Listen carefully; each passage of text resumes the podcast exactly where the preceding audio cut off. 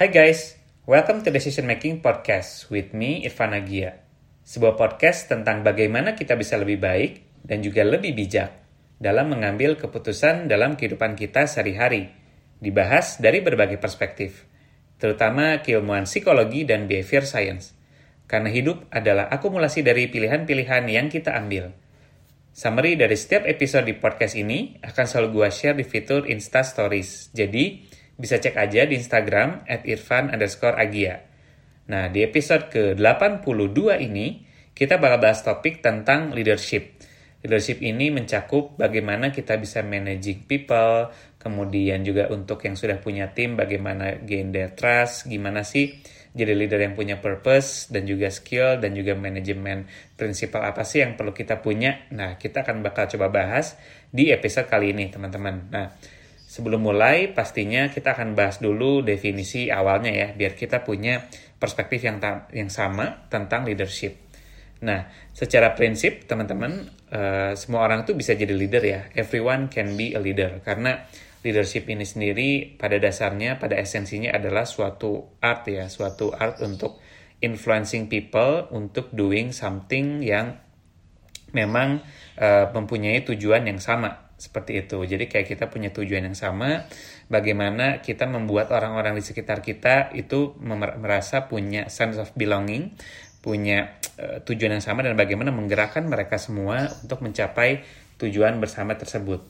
Nah, growing up, uh, gue sendiri ngerasa dulu successful leaders itu adalah orang-orang yang tahu segalanya ya, teman-teman. Jadi yang smart, kemudian juga making sure everyone else itu juga apa uh, bisa mengikuti mereka. Kemudian juga apa gue juga punya anggapan bahwa orang-orang yang lulus gitu ya di universitas-universitas yang ternama yang apa yang mungkin secara ranking bagus itu juga uh, suppose untuk lulusan-lulusan itu bisa jadi leader-leader yang bagus gitu ya. Terus juga orang-orang yang bisa punya leadership bagus itu biasanya punya power punya fame punya apa uh, big money lah istilahnya untuk Eh, menjadi measure profesional sukses. Tapi sebetulnya itu udah menjadi apa ya tradisional konsep lah ya di mana leader yang sebagai figur knows it all smartest person in the room gitu ya atau punya driven by power fame glory gitu ya itu sekarang sebetulnya udah berbeda ya kondisinya teman-teman di mana sekarang itu zamannya sudah berbeda tantangan yang dihadapi juga berbeda ya karena sekarang itu kita makin uh, punya environment yang unpredictable, kemudian banyak sekali uh, perubahan yang cepat gitu ya, terutama dari sisi bagaimana kita bekerja, tantangan yang dihadapi juga berbeda ya dari generasi sekarang generasi sebelumnya gitu kan. Jadi sekarang unsurprisingly orang-orang tuh expect punya uh, different kind of leader gitu ya. Nah, ini mungkin ada satu hal, satu definisi ya dari leadership yang mungkin uh, menurut gue pribadi ini menarik ya atau intriguing untuk uh, kita bahas dan juga cukup mendasar. Karena kalau teman-teman cari atau mungkin googling gitu ya definisi leadership itu tuh banyak banget teman-teman. Tapi gue menemukan ada artikel dari Prentice di tahun 1961 itu dia mendefine leadership itu sebagai accomplishment terhadap suatu tujuan melalui direction of other people. Nah untuk menjadi seseorang leader yang sukses itu indikasinya bukan yang tadi gue sebutin di awal ya. Bukan cuma hanya punya power gitu ya punya influence terus lulus dari misalnya apa universitas yang bagus sekolah yang bagus gitu ya. tapi sebetulnya adalah leadership yang baik ketika dia tuh bisa mengawinkan. Bisa mengawinkan kebutuhan-kebutuhan individual dengan interest dari grup tersebut. Gitu karena leader itu mungkin nggak perlu selalu punya power yang besar. Mungkin mereka nggak populer, mungkin juga mereka nggak punya banyak influence gitu ya, atau mungkin skillnya juga nggak nggak apa, tidak begitu fantastis lah istilahnya yang sangat sangat outstanding. Tapi leader, leader yang bagus adalah ketika dia bisa punya uh, unique understanding terhadap tim mereka, terhadap orang di sekitar mereka, sehingga dia bisa mengawinkan tadi uh, goals dari masing-masing individu, bagaimana dia bisa mengawinkan itu dengan tujuan lebih besar dalam grup tersebut. Nah, di sini indikasinya teman-teman relation dan juga understanding terhadap human, terhadap people itu juga jadi core ya, jadi esensi utama dari suatu leadership. Nah, ini nyambung ke pertanyaan kita di awal ya, gimana sih cara kita managing people di sekitar kita, teman-teman. Nah, jadi ada indikasi bahwa ketika seorang leader itu sukses itu adalah ketika dia bisa belajar dua basic lessons tentang human ya. Pertama adalah people are complex ya. Kompleks di sini artinya adalah banyak banget faktor yang mempengaruhi bagaimana seseorang tersebut itu berperilaku, kemudian juga apa uh, punya prinsip, bagaimana seseorang tersebut itu juga punya apa uh, emotion dan juga kebutuhan yang berbeda-beda. Jadi that's why pertama people are complex. Jadi kita tidak bisa menyamaratakan gitu ya uh, bagaimana kita bisa mendefine seseorang.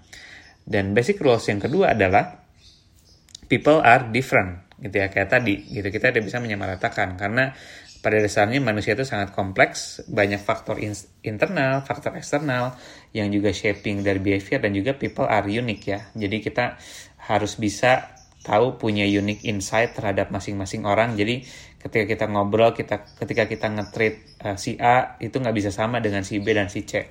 Seperti itu ya. Dan memang uh, indikasi dari leadership yang sukses itu adalah ketika kita tuh mengerti ya dua basic lessons ini seperti itu jadi leadership itu memang tidak hanya it's it's more than just uh, understanding people being nice to people or not pushing other people around gitu tapi kita juga harus punya purpose-nya juga ya dari kita sendiri sebelum kita juga bisa managing other people. Nah, di sini gue menemukan ada artikel yang menarik nih teman-teman dari Harvard Business Review.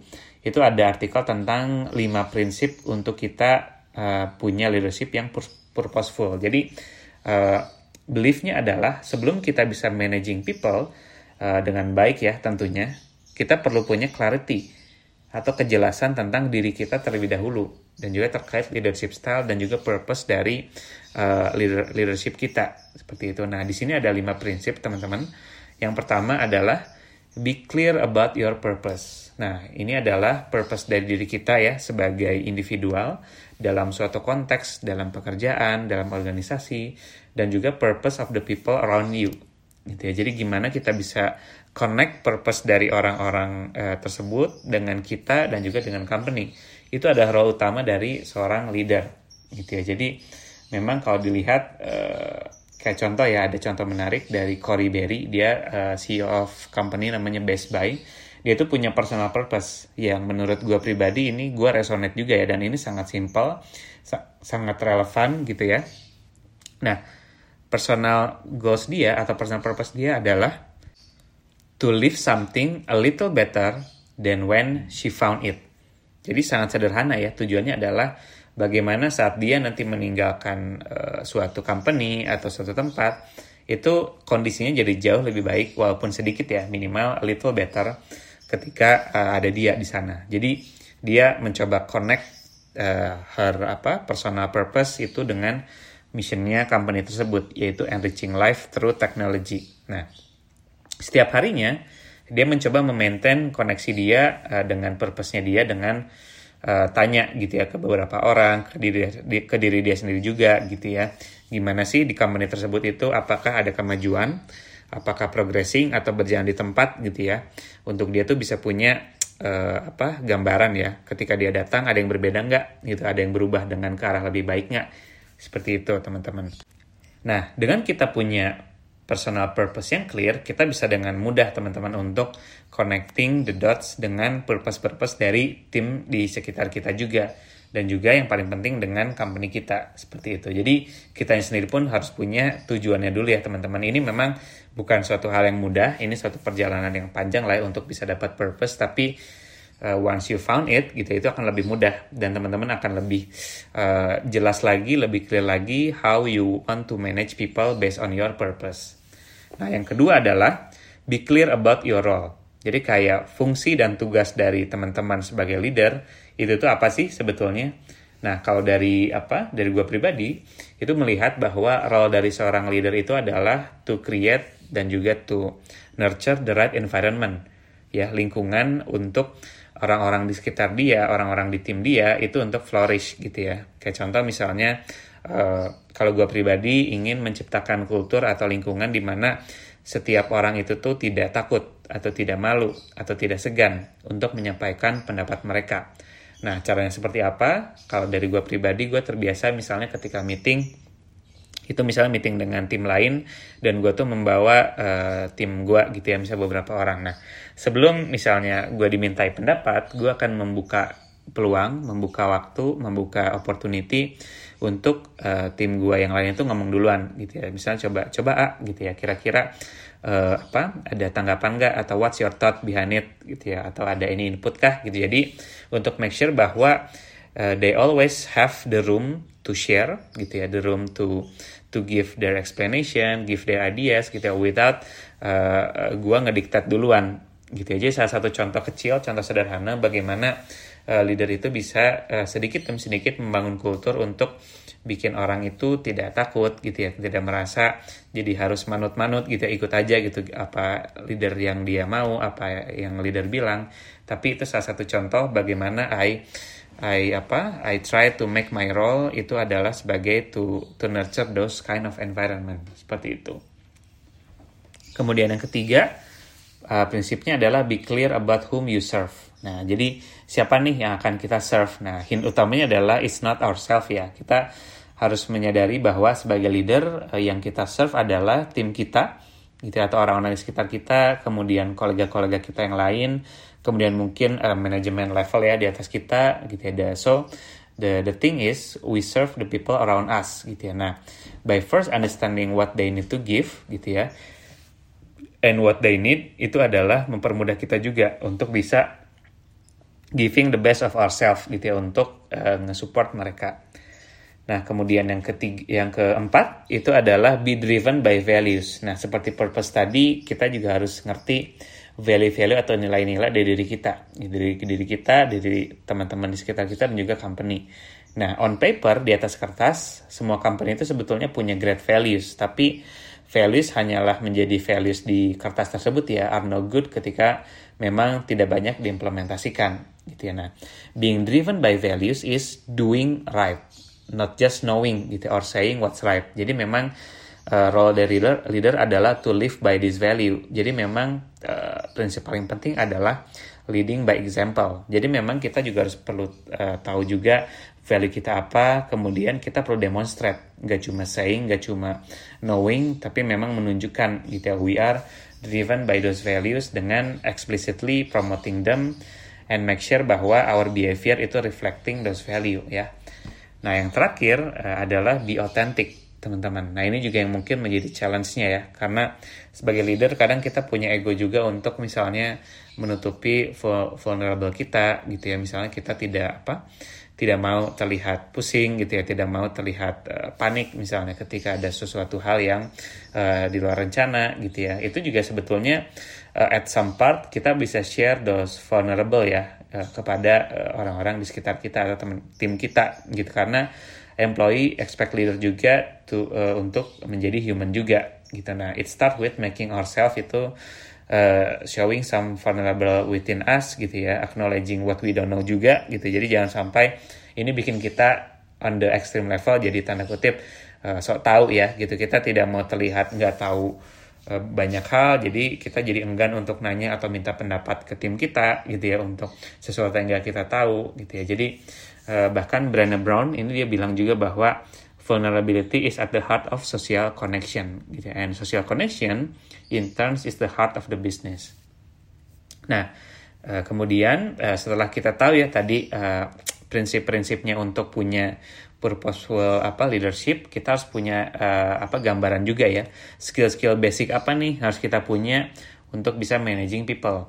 Nah yang pertama yang paling penting adalah communication skill teman-teman. Nah ini mungkin dasar ya basic di mana teman-teman perlu tahu uh, bagaimana kita bisa apa uh, menyampaikan instruksi dengan tepat gitu. Ya. Bagaimana kita bisa membangun hubungan yang baik dengan komunikasi yang apa konsisten gitu ya yang uh, sustain. Nah tapi yang paling penting perlu kita tekankan adalah communication is two way street teman-teman jadi juga nggak cuma involving kita communicating uh, our needs, our wants, our goals juga ke orang-orang di sekitar kita, tapi juga it involves active listening gitu ya, as well as talking of course. Jadi if we want to get the best out of our team, of our workforce gitu ya, we should take note of their ideas, their issues, their thoughts gitu ya, biar kita juga bisa uh, membuat ini tuh menjadi sesuatu hal yang uh, two way communication ya nggak cuma dari kita doang tapi juga kita jangan malu juga untuk minta feedback biar kita tahu apa aja hal yang bisa diimprove dari diri kita dan juga merasa orang lain itu jadinya di-involve ya dengan apa aja yang mau kita uh, lakukan atau business decision making. Yang kedua adalah empathy. Nah, empathy ini sendiri adalah skill untuk kita bisa perspective taking. Kita juga pasti uh, perlu tahu ya bahwa di uh, hidup kita itu of course ada yang di luar pekerjaan juga ya. Is life outside work misalnya teman-teman. Jadi kita juga perlu empathize uh, tim di sekitar kita, uh, bagaimana mereka behave needs mereka di luar pekerjaan, Kemudian juga kalau kita diberikan suatu instruksi atau suatu apa suatu pekerjaan how we want to how we how we will react gitu ya dengan dengan cara kita berbicara, cara kita memberikan apa challenge, kita juga perlu punya empati itu. Yang ketiga itu ada flexibility ya. Nah, dalam bisnis, dalam juga pekerjaan, dalam konteks apa pun sebetulnya we have to expect the unexpected, teman-teman. Karena tidak semuanya itu akan berjalan sesuai rencana. Nah, leadership juga jadinya di challenge ketika sesuatu itu juga tidak berjalan seperti seharusnya gitu. Nah, sometimes we need to be flexible dan juga uh, punya alternatif ya, alternatif plan. Nah, ketika sesuatu tidak berjalan sesuai rencana, ini pasti akan berdampak ya pada uh, semangatnya, pada apa? pada uh, spirit dari teman-teman di sekitar kita, but they need to know the reasons why gitu. Jadi memang leadership ini juga kita perlu fleksibel juga communicating the reasons kenapa ini tuh tidak berjalan lancar. Kemudian juga ketika ada sesuatu yang ada perubahan ya dari berbagai aspek kita juga perlu fleksibel dalam approach-nya. Jadi memang good communication ini juga jadi dasar juga ya teman-teman untuk menyampaikan how we can be flexible to some circumstances. Nah itu mungkin uh, tiga skill ya, tiga skill yang uh, menurut gue pribadi itu bakal menjadi basic yang perlu kita miliki untuk bisa managing people better. Nah, uh, gue juga mau share ada tiga apa ya, tiga my management strategis lah ya atau prinsipal yang lagi gue belajar juga, yang lagi gue coba terapkan dan mungkin ini bisa berguna ya buat teman-teman dalam uh, gain trust dan juga nurturing the the good collaboration, the good teamwork gitu ya biar kita punya skill of leadership yang memang juga nggak cuma nurturing diri kita tapi juga orang lain. Nah, prinsip yang gue anut adalah poin pertama, we don't have to be always a decision maker, tapi be a decision shaper. Jadi berbeda ya teman-teman antara decision shaper dan decision maker. Gitu. Jadi gue juga selama bekerja realize that the teams will work well ketika kita inviting them untuk shaping a decision not always when we make a decision for them. Nah, this is one of the most important principle. Jadi, uh, gue juga dalam ilmu behavior science, ilmu psikologi menemukan ada fenomena namanya IKEA effect gitu dan itu related sama problem solving. Nah, IKEA effect ini ini apa?